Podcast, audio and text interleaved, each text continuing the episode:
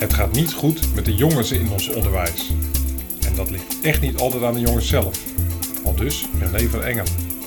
Hij is schoolbegeleider, trainer en directeur van een aantal basisscholen. René schreef een boek over lesgeven aan jongens, de Jongenscode, met allerlei praktische tips en adviezen. Daarnaast is hij ook een expert op het gebied van groepsvorming. Hoe maak je van een klas of groep leerkrachten een groep? Dit wil hij ons best uitleggen. En waarom je je mails en WhatsApp-berichten niet altijd moet lezen. Dit alles en nog veel meer in deze aflevering van Werkrust, de podcast.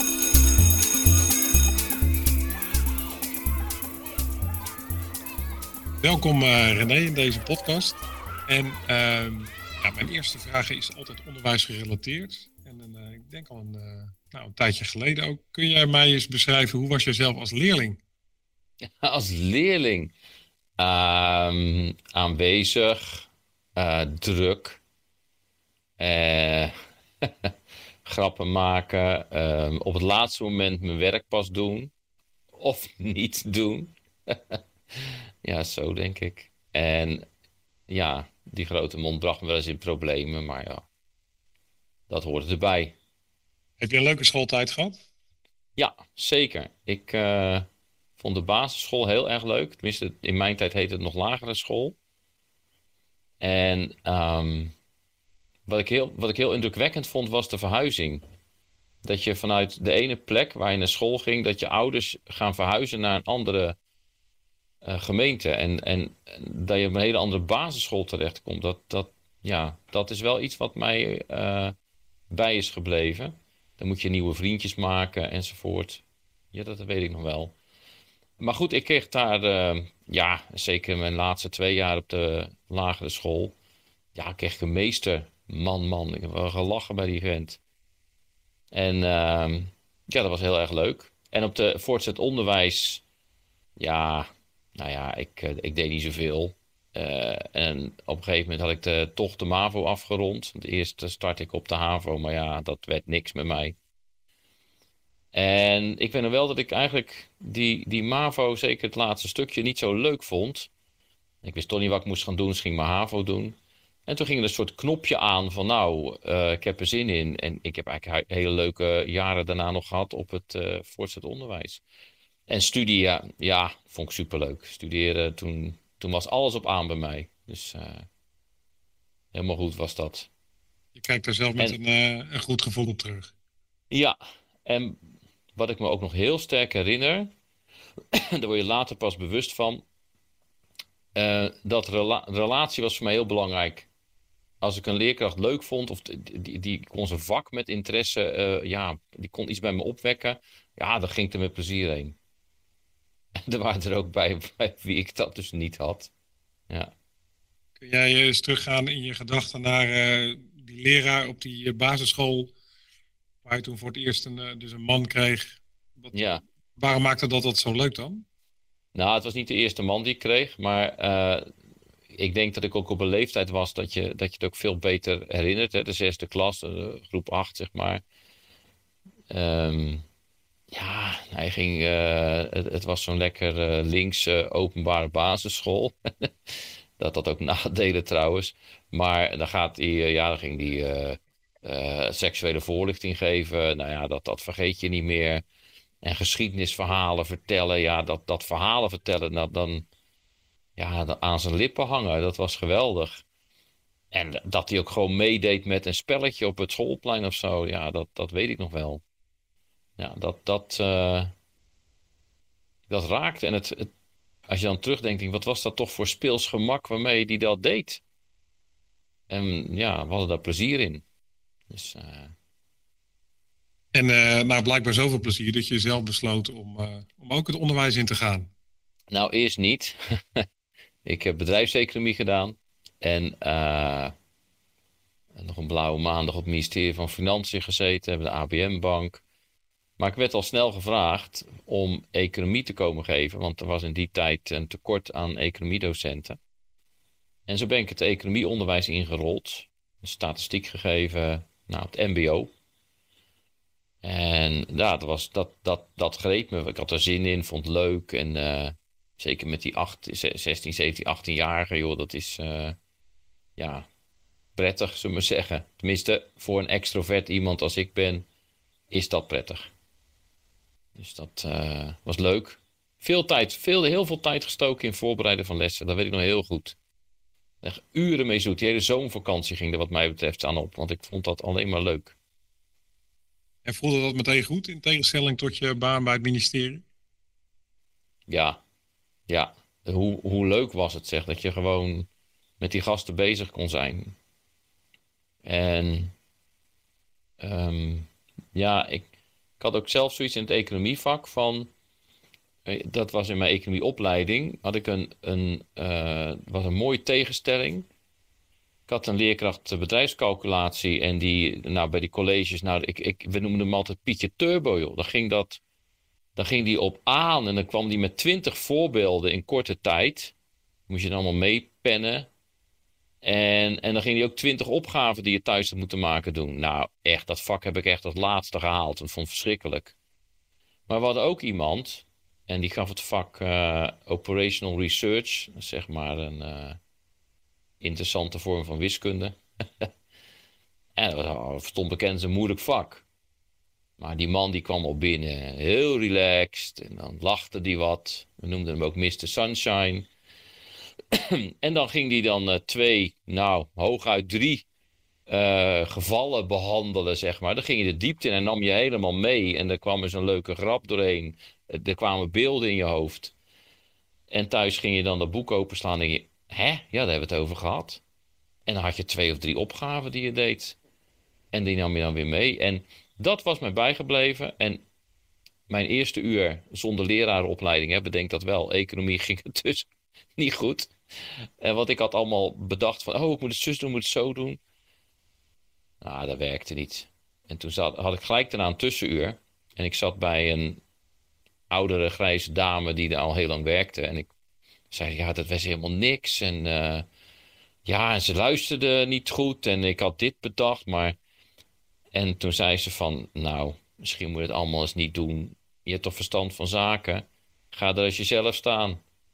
Dat, nou, toen dacht ik, nou, volgende uur, ik had alles opzij gegooid. Ik ga er als mezelf staan. En het, uh, vanaf die, dat moment ging het eigenlijk heel erg lekker. In het economieonderwijs. Ik zag dat je zelfs ook nog, dat vond ik interessant op je cv te zien, dat je ook nog SEM-leerkracht ook er ook nog bij geweest bent. Ja, ja, ja, ja. Dat, van, uh, van alle markten thuis. Ja, ja, klopt, klopt. Ja. Ik zit niet graag stil. Ik hou me wel. Ik heb het wel nodig om ook op verschillende terreinen actief te zijn. Dat is iets wat je bij jezelf moet ontdekken. In het begin werd het te veel en dan genoot je niet meer van de dingen. Dus ja, je moet jezelf wel leren kennen. Wat heb jij nou nodig om, om, uh, om goed te kunnen functioneren? Nou, dat ik me wel met meerdere dingen is bezig kan houden. Maar dan wel gedoseerd. Ik heb uh, gezien, eh, René, je hebt een, een, rijke carrière al in het onderwijs. Hè? Je noemde het zelf al MBO, post-HBO. Maar de laatste jaren meer ook in het, in het PO, het primair onderwijs. Zeker. Um, ja, en je hebt jezelf ook steeds meer ontwikkeld in het uh, ja, bestuderen van de groep. Groepsdynamiek, groepsdynamiek mm -hmm. ook in klassen. Je hebt er ook uh, boeken over geschreven. Um, ik wou uh, eerst even beginnen met de groep als geheel. En daarna jouw specialisatie in de jongens. Hoe het is om, om met de jongens mm -hmm. om te gaan in de klas. Um, als jij gevraagd wordt als spreker of, of als coach of als trainer op een school dan zal het vaak zijn dat het niet goed gaat met de groep, want anders zullen ze je denk ik niet uitnodigen. Ja, klopt. Uh, wat is nou het, uh, ja, bovenaan jouw lijstje van dingen waarvan je ziet van, dat is een van de oorzaken waardoor een groep niet lekker draait in het onderwijs? De leerkracht. De leerkracht. Dat komt er heel Goed. snel uit. En ja. waarom? Nou, kijk, ik zal het met een voorbeeld uh, aangeven de, ik was bij een uh, twee VMBO groep geroepen van ja, dat gaat niet, uh, die, die groep loopt niet, dus gedoe. René, wil jij een interventie plegen? En dan ga je observeren, dan ga je met die klas meelopen, je gaat praten met die klas en je gaat praten met die docenten. En we zitten in de nazit of we zitten in een gesprek, die docenten en ik. En een wat oudere docent begint van ja, die leerlingen zeggen dat het aan ons ligt. Maar dat is natuurlijk gewoon lulkoek. Het ligt gewoon aan hun.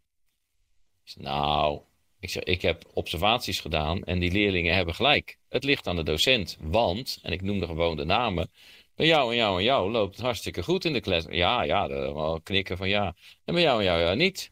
Nou, en er zijn twee dingen waar het aan kan liggen. En bij de een verschilt het bij de ander. Uh, de een maakt gewoon geen connectie met de groep. Met de individuele leerlingen. Die voelen zich dus niet gezien. En uh, de ander beheerst zijn vak niet. Hè, structuur bieden aan die kinderen, aan die leerlingen. Dat soort dingen. En, en je vak met passie uh, kunnen overbrengen op een goede manier. En alle twee die dingen moet je hebben om, om die groep goed te bemannen. En de wat, de wat uh, misschien wat complexere groepen, hè, bijvoorbeeld veel diversiteit, veel trauma, die zijn veel gevoeliger voor een dysfunctionele leerkracht. Zou je dat eens kunnen uitleggen? Wat betekent dat precies? Uh, veel complexiteit, veel trauma? Um, ik ben nu schoolleider van drie scholen. En voor de luisteraars voor zich druk maken over mijn werkrust. ik heb vier adjuncten die de dagelijkse leiding draaien. Nou, en um, één school is een achterstandsschool. En als ik die vergelijk met de hele grote school, waar veel kinderen van hoog opgeleide ouders zitten, waar ook prima opgeleide leerkrachten zitten. En ik vergelijk dat met die uh, school uh, in die achterstandswijk met een hoge achterstandsscore, dan zie je dat die, die school met die achterstandsscore, daar uh, zitten veel meer kinderen in met trauma. Bijvoorbeeld kinderen die leven in armoede. Uh, zijn kinderen uit allerlei culturen. Dus we hebben Russische kinderen zitten, Poolse kinderen, Marokkaanse kinderen, uh, Syrische kinderen, ook gewoon uit Nederland, zullen we zeggen. Ant Antillen, Suriname. En die hebben allemaal thuis, die verschillende culturen, een eigen um, ja, culturele uh, frame zeg maar, van normen. Van, van nou ja, zo, zo gaan wij met elkaar om. En dat matcht natuurlijk niet met de kinderen. Uh, zo iemand uit Rusland, ja, die heeft een hele andere achtergrond dan iemand uit de Antillen. Of iemand uit die in Nederland een culturele achtergrond heeft. En uh, ja, dus is het heel belangrijk dat je één pedagogische taal hebt op die school, die in al die klassen terugkomt. En tel daar dan nog eens bij op trauma. En bij kinderen. Door armoede of, of door, nou ja, dat, dat, ze, nou ja, de mishandeling komt ook regelmatig voor. Uh, of zien dat een familielid doodgeschoten wordt, want dat, dat is de kost waar je mee te maken hebt. Ja, dat betekent natuurlijk dat die kinderen een, een hoge mate van onveiligheid om zich heen meemaken. En dan moet jij als school maar eens even die veiligheid zien neer te zetten. En dan zie je dus op zo'n school, wauw, dan wordt er echt veel gevraagd van het pedagogisch vakmanschap van de leerkracht. En dan kan je het uh, niet gebruiken dat er leerkrachten in je team zitten die hun eigen gang maar gaan. Of die niet aansluiten bij die pedagogische taal. Want dan krijg je gelijk onrust. Dat en ik uh, merk... Sorry, uh, ga verder. Nou, ik, ik merk nu van, nu is dat team, ik, ik werk daar sinds augustus 2020. En nu is dat team op orde. En, en merk ik van, hé, hey, we hebben geen, ook geen externe meer die zich overal mee bemoeien. En, uh, want dat was in het verleden zo. En, en veel te veel mensen rondom die groepen lopen. Nee, in de groepen. En een duidelijke pedagogische taal met elkaar. En wat je ziet is, er is niet alleen rust bij die leerlingen, er is ook rust bij die leerkrachten. En wat, wat is hier nou de crux? die leerkrachten en die kinderen, die leerlingen en de ouders ook trouwens, zijn energie kwijt aan die ene leerkracht die niet in die pedagogische taal meegaat. Dus het lijkt allemaal maar heftig als je zegt van ja, deze persoon past hier niet en moet ergens anders gaan werken. Maar uh, als die persoon op die plek beter af is, is dat voor die persoon prettig. Maar je ziet ook gewoon dat in die school zelf er veel meer rust komt, omdat iedereen diezelfde taal spreekt. En dan even terug naar de groepsdynamiek. Je hebt niet alleen Want ik dacht een uh, aardig wat jaren geleden. Uh, van, oh, je moet aan groepsvorming doen aan het begin van het jaar. Dat was de ontdekking die ik gedaan had. Voor mezelf. En nu heb ik ontdekt, nu ik zoveel scholen heb gezien waar het heel goed loopt. En zelf ook ervaren heb dat, dat, dat je dat kunt neerzetten. Zie ik van, nee, als je nou zorgt dat je één school hebt met een professionele cultuur en een doorgaande lijn.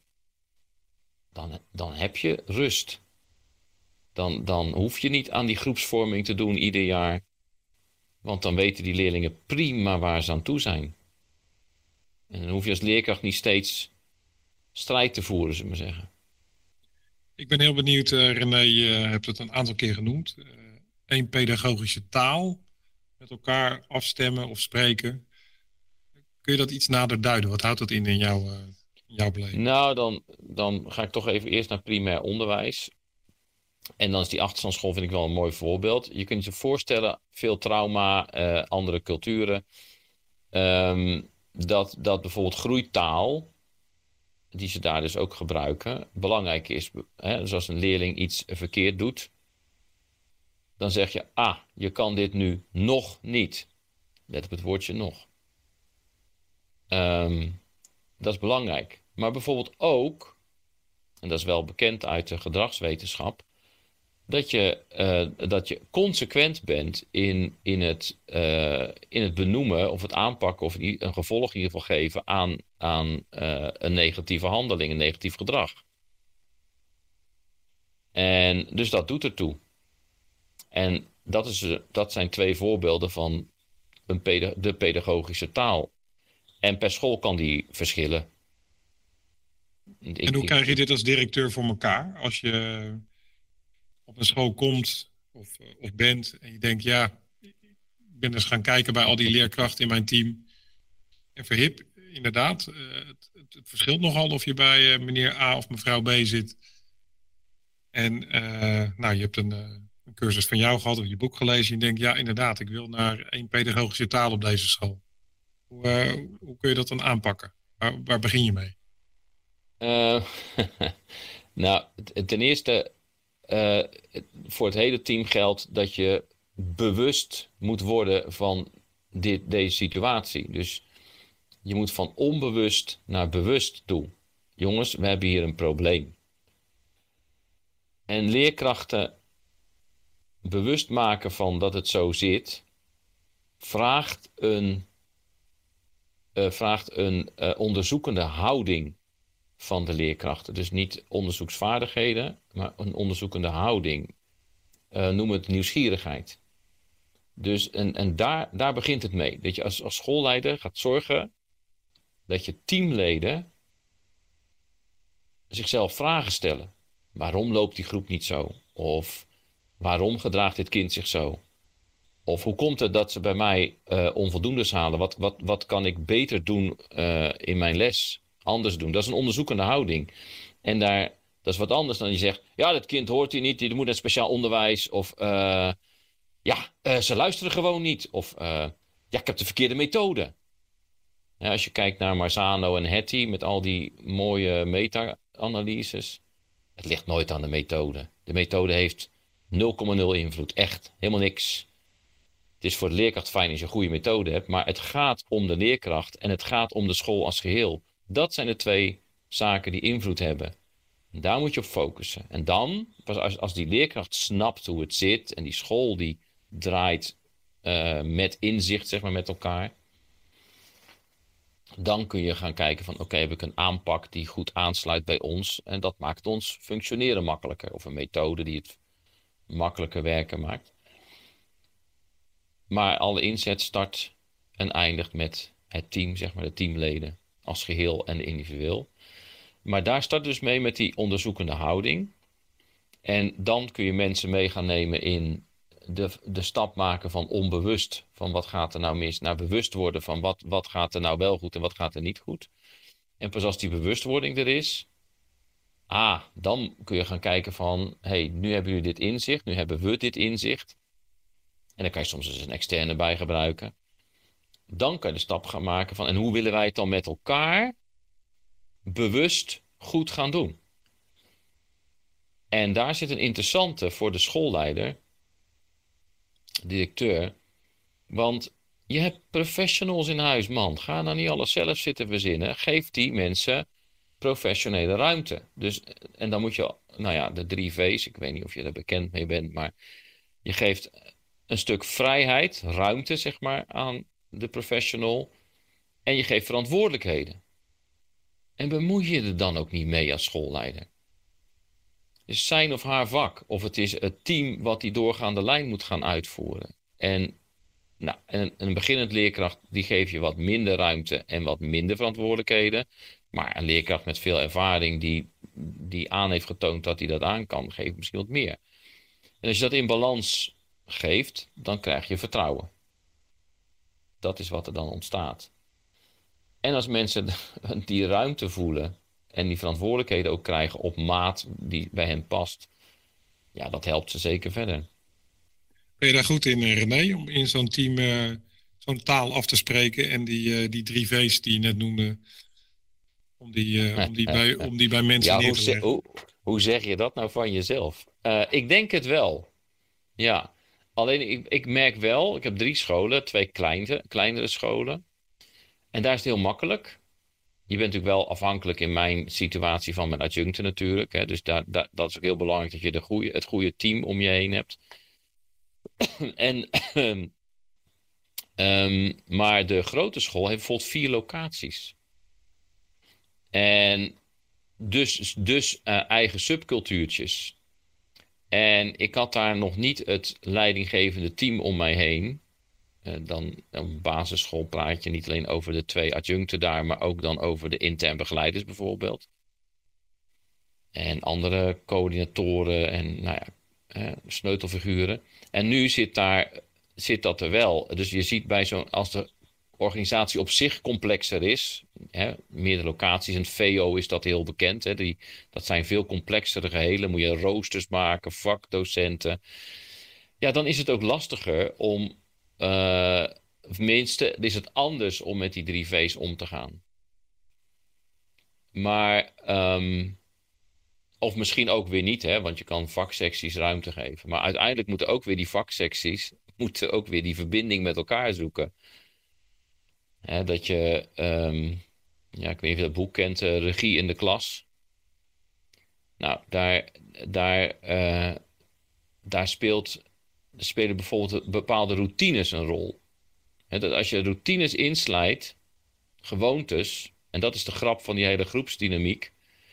Als je routines in die hele school hebt zitten, dat geeft rust. Die kinderen komen binnen en weten, ik ga aan het werk. Kijk, er is een taak op bord. Dat is geen vraag meer, het is ingesleten gedrag. Dus je hoeft die strijd aan het begin van, de van zo'n lesuur niet meer aan, of de leerkracht in de klas hoeft de strijd met de groep niet aan. Uh, dus, um, dus het is wel complex, zeg maar. Want je geeft niet alleen de individuele leerkracht die ruimte en verantwoordelijkheid, uh, maar ook de groep als geheel, hè, je team als geheel moet een verantwoordelijkheid op gaan pakken om samen dingen te doen. En dan zie je dus met meerdere locaties, bijvoorbeeld met subculturen, zie je wel dat het lastig is om met elkaar echt een doorgaande lijn te creëren. Dus dat is een. Uh... En, um, nou, je, ik pak even zo'n kleine school waar het lekker loopt. Waar een ja. hoop mensen overtuigd zijn van, de, van dezelfde taal die gesproken moet gaan worden. Maar wat je net zei, het zijn professionals. Er zitten misschien toch één of twee bij die denken: ja, die taal is wel leuk. Laten we het Engels noemen. Maar mijn Frans of mijn, uh, mijn Duits, ik denk toch dat dat beter aanslaat, in ieder geval bij deze groep. Dus geef mij die, uh, die vrijheid om, uh, om, om mijn eigen ding te doen. En ja, de rest van de school die, die mag dan die andere taal spreken. Hoe ga je daar dan mee om? Dan kan je vertrekken. Dat is duidelijk. Ja, ja want wat je, wat, ik, het is ontzettend egoïstisch. En ik heb het zelf gedaan, hè. Ik ben extrovert iemand, dus lastige klassen. Nou joh, dan praten we even mbo, hbo, hè, dat, uh, waar ik dan les gaf. Joh, maakt niet uit. Ik had mijn mond wel bij me. Ik, nou ja, ik vertelde het wel. Ik maakte leuke grappen. Ik was graag gezien. En dan kwam het goed. Maar die introverte leerkracht, die is er ook. En voor die persoon die misschien zijn vak uitstekend verstaat, is het wel heel belangrijk dat we die gemeenschappelijke afspraken hebben, die gemeenschappelijke pedagogische taal. Zodat die persoon ook gewoon prima les kan geven in de klas. En dus ik vind dat de, of het nou een hele goede extroverte leerkracht is of een dysfunctionele leerkracht, hè, dat verschil moet je, heb je ook natuurlijk nog. Je hebt ook een verantwoordelijkheid naar de school als geheel. En die moet je wel nemen. En het is mijn verantwoordelijkheid als schoolleider om uh, te zorgen dat, die, uh, dat ik die leerkracht wel op een hoger niveau ga krijgen. Door middel van coaching enzovoort. En in dat team mee ga krijgen. Dus dat is eerst. En pas later krijg je natuurlijk van uiteindelijk kan de consequentie zijn einde oefening. Ja. Ik, uh, ik zit nog even in mijn gezondheid. Ik, ik zit ja, ik heb een, een kriebelhoest. Dus ik, ja, uh... het is ook het weer ervoor. Ja. ik zit nog even in mijn hoofd met, dat, met die term uh, pedagogische taal. Um, moet ik me dan bij voorstellen dat op de scholen waar jij uh, directeur bent, of waar jij advies gaat geven, dat daar ook een, een woordenboek komt van die taal? Wordt dat ergens opgeschreven? Wordt dat ergens geformaliseerd ook? Ja. Of is dat. Uh, ja. ja. Ja, ja, zeker. Ja, ja. Um, nou heb ik over administratie heb ik wel een mening. Want dat is, als iets werkdrukverhogend kan zijn, dan uh, is het administratie. Tenminste, wat ik, nou ja, als ik dan ergens kwam. En voor luisteraars of lezers die uh, mij kennen vanuit mijn rol als schoolleider, zal dit misschien bekend voorkomen. Ik had de neiging om dan als mensen de werkdruk voelden, alle groepsplan die moesten schrijven of allerlei administratieve toestanden hadden denk, nou, leg maar op tafel. Kom op, wat is het allemaal? Leg maar neer. Echt, echt papierwerk, hè? En dan wap, dan gooide ik het allemaal van tafel. Zo, daar stoppen we nu mee. Ja, dat kan toch niet, zeiden ze dan. Mooi gevoel voor drama toch... Ja, het is. Ja, dus, nou, een beetje drama doet altijd goed, kan ik je vertellen. Uh, en dan denk ik, nou, maar wat heb jij nou nodig? Wat heb jij nou nodig om die groep goed te kunnen draaien of om jouw vak goed te kunnen geven? Wat heb je nodig? Wat, ga je dan, wat heb je nodig dat je opschrijft? En want mijn overtuiging is op het moment dat een professional, als je die serieus gaat nemen, en die, en die heeft de overtuiging van ik snap waarom het goed is dat ik dit opschrijf. Bijvoorbeeld, dan kan mijn collega door volgend jaar met deze groep leerlingen. Of ja, uh, ik vermoed dyslexie bij deze leerling. Dus wel belangrijk dat ik wel wat notities maak. Hè, zodat we zo meteen ook even een aanvraag kunnen doen voor dyslexieonderzoek. Dus als je snapt waarom het belangrijk is dat je iets noteert, dan ben je ook gemotiveerd om het te doen. En ik zie heel veel zinloze administratie of administratie waarbij de leerkracht het idee heeft: ik ga hierop afgerekend worden. En dat gebeurt natuurlijk, want ons hele stomzinnige systeem in Nederland is, is gebaseerd op, op uh, ja, het afrekenmodel. Zowel richting leerlingen, word je, je wordt afgerekend, als scholen, die worden afgerekend. En dat is niet gezond voor je werkdruk. dus, uh... dus de scholen waar jij werkt, uh, ja, daar ben je echt gaan snoeien in, uh, in, in administratie. Maar mijn vraag, die komt er toch nog even op terug. Het pedagogische, de pedagogische taal, die je graag ja, die... afstemmen in een team. Ja, die... Ehm, komt dat nog ergens terug? in een lijst? Eh, zit je ja, die legt, je, legt hem, je, legt hem, je legt hem vast. En waarom leg je die vast? Hè? Ik, ik heb, laat graag wel dingen ontstaan. En dan gaan, we, dan gaan we hem vastleggen. En waarom? Kijk, uh, nou, kijk Dennis, wat leuk. Jij komt hier nieuw werken, fijn. Nou, dit is Gerda, dit is de coach, die gaat jou uh, helpen en begeleiden. En kijk eens, hier kun je alles vinden hoe wij het hier doen. Zo doen wij het hier. Hè? En uh, um, nou, je kent ook de Stichting Leerkracht vast wel.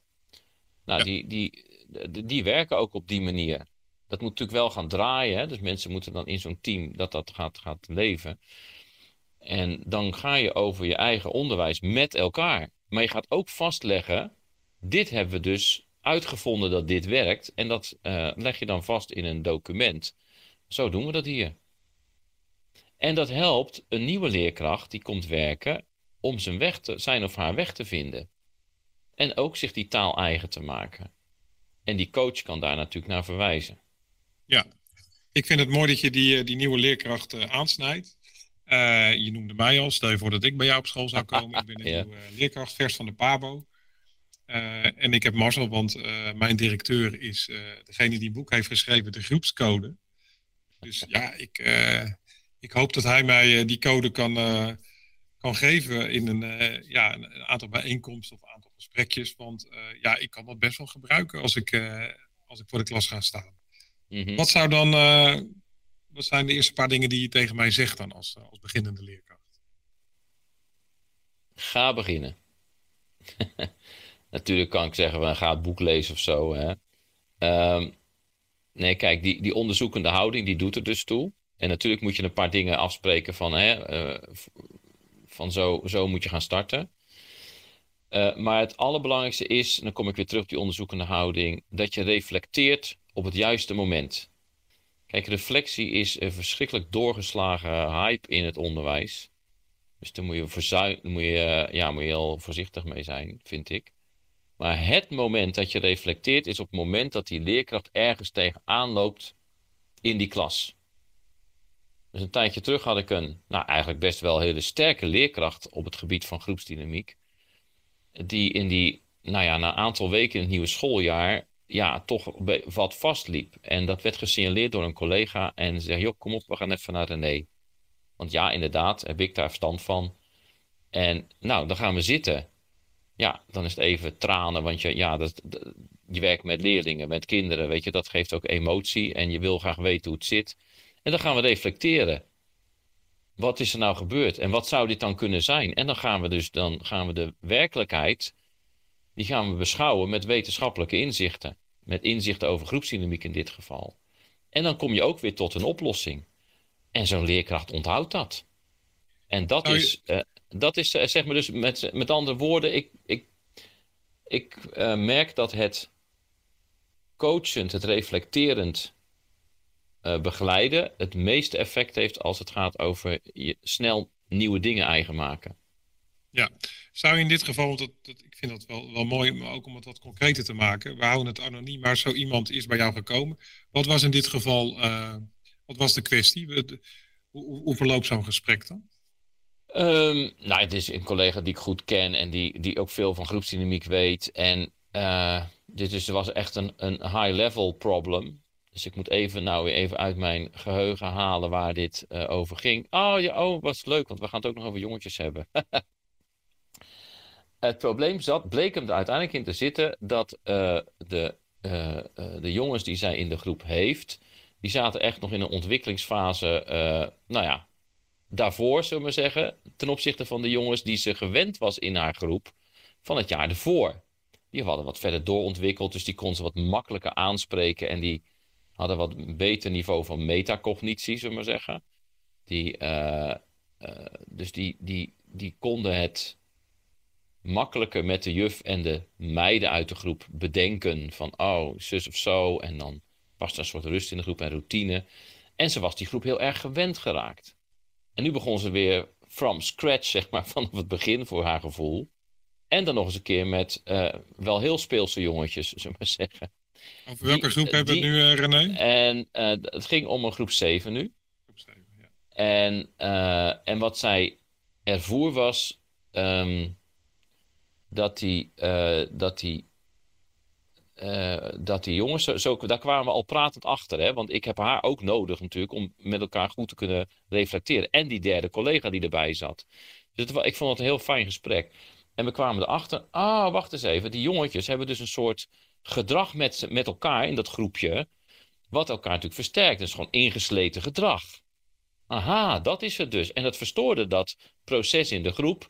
En ze zitten dan nog wat meer in de uh, pre-adolescentie in plaats van in de vroege adolescentie, waar je eigenlijk een beetje in de zeven al in hoort te zitten. En zo kwamen we tot van, ah, maar dan zouden we het zo en zo uh, kunnen aanpakken.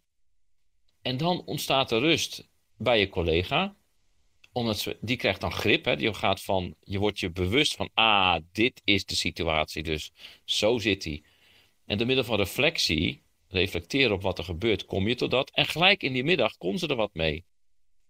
Ja. En, en, en omdat ze het gedrag snapte waar het vandaan kwam. Ja. En ja, dan wordt het ook minder emotioneel. Ja.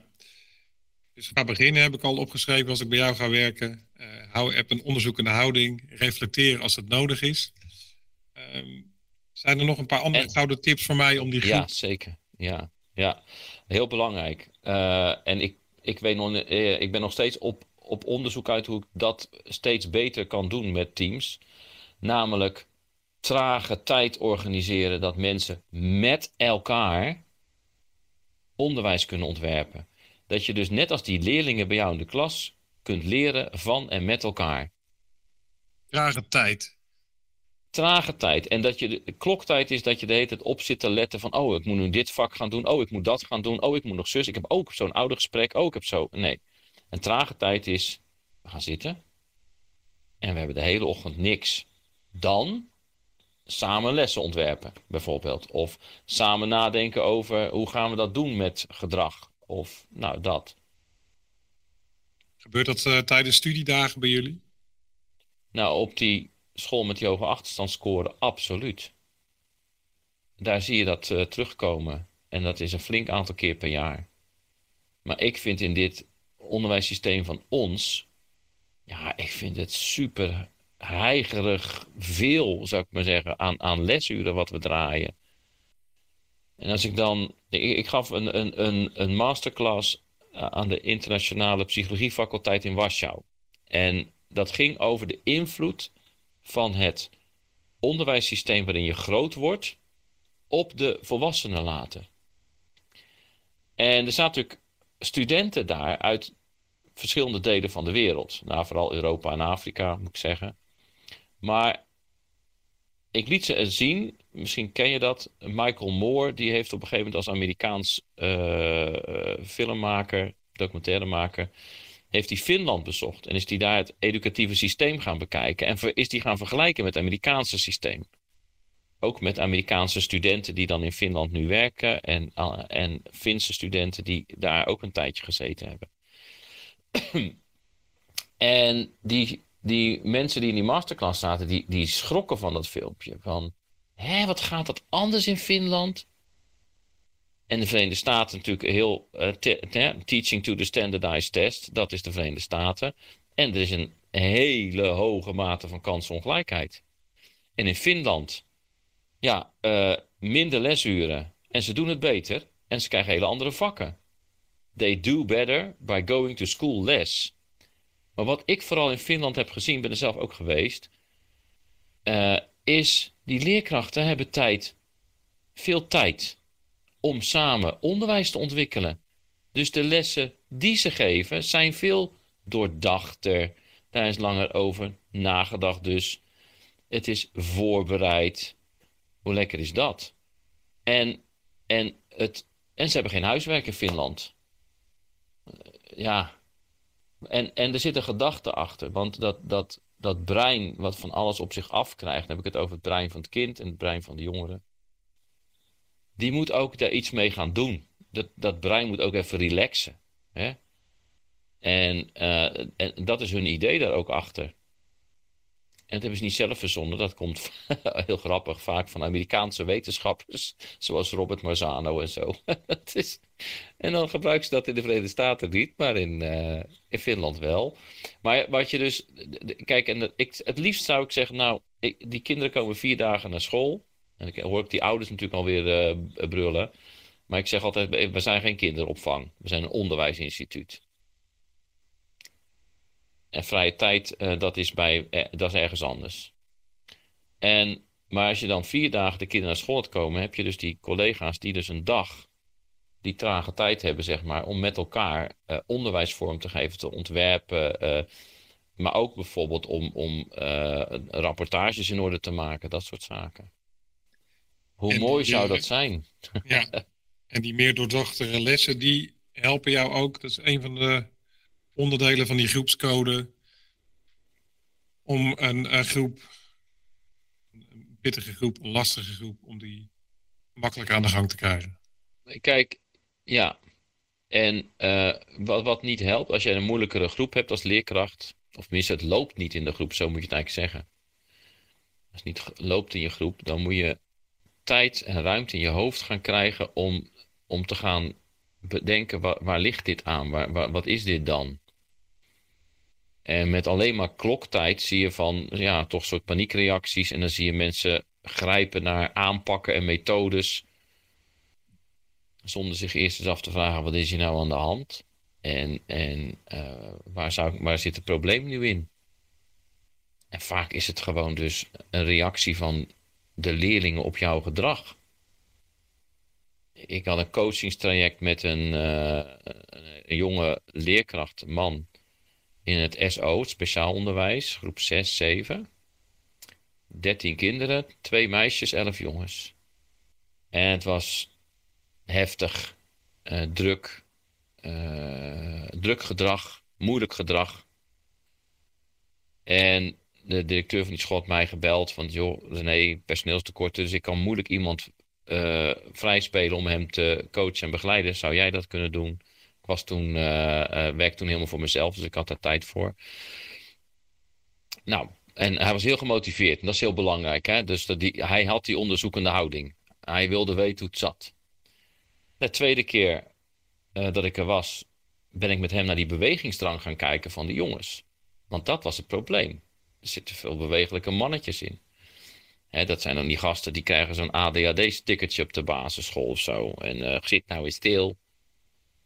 Um, en hij ging begrijpen waar het vandaan kwam. En uh, dat juist, juist als het werkgeheugen aanstaat, blijkt uit onderzoek van de Universiteit van Florida, juist als het werkgeheugen aangaat, dus aan het leren zijn, gaan ze bewegen. Zeker de ADHD'ers de, die onderzoekers denken dat dat te maken heeft met dat het brein op dat moment dopamine nodig heeft als neurotransmitter om die verbindingjes te kunnen maken. Nou fijn, dat soort inzichten pakte die mee, gaf ik hem aan, raakte ik, uh, reikte ik naar hem toe, zeg maar. En dat ging die lezen en, en kennelijk had hij daar van alles mee gedaan. En de keer daarna dat ik daar kwam, nou, rust in die groep, heerlijk. En daarna zit zeg ik, wat is hier gebeurd? Oh ja, ik zag nog iets leuks. Want op een gegeven moment zag ik een jongen uh, gaan bewegen. En hij gaat erheen. Praat zachtjes met diegene. Die jongen gaat de klas uit. Die gaat, ik noem het altijd, naar het afreageerkamertje met trampoline en zo. Komt na een tijdje terug en gaat weer doorwerken. En hij zei daarna zit, zei hij, ja, ik snap nu waar die bewegingsdrang vandaan komt. Waar die, wat, wat daarachter zit, wat de behoeftes zijn. En wat ze dus nodig hebben. En ja, en daar zei hij nog iets veel mooiers. Het probleem in de klas kwam niet door die jongens, maar het kwam eigenlijk door mijn verkeerde reactie op hun gedrag. Nou, ik dacht, ja, wauw. Mooi toch? Zeker. Kan me en, voorstellen... dan heb je gelijk, dan heb je veel gelijk een relaxtere leraar. Ja. Ik dan heb je minder werkdruk. Ik kan me voorstellen dat het een dankbaar, dankbaar gesprek is als je daar dan bij zit. Ja. Je hebt meteen ook een mooi bruggetje aangereikt, uh, René. Want uh, ik wil het onder andere ook hebben, niet alleen over de groep, maar in het bijzonder ook de helft van de klas, namelijk de jongetjes. Um, nou, daar heb je ook een boek over geschreven. Daar heb je ook ja. de code voor aangereikt, de jongenscode. Nou, je noemde net al uh, bewegingsdrang. Dat vind ik een mooie omschrijving ook. Ja. Um, ik had eventjes op zitten zoeken. wat is precies het percentage van, van de geslachten in het onderwijs? In het basisonderwijs vrouwen, mannen 85%, mannen 15%. Voortgezet onderwijs 50-50. In MBO ongeveer ook nog 50-50. Uh, maar dus met name in het basisonderwijs, daar ligt qua leerkracht liggen die uh, ja, getallen behoorlijk uiteen.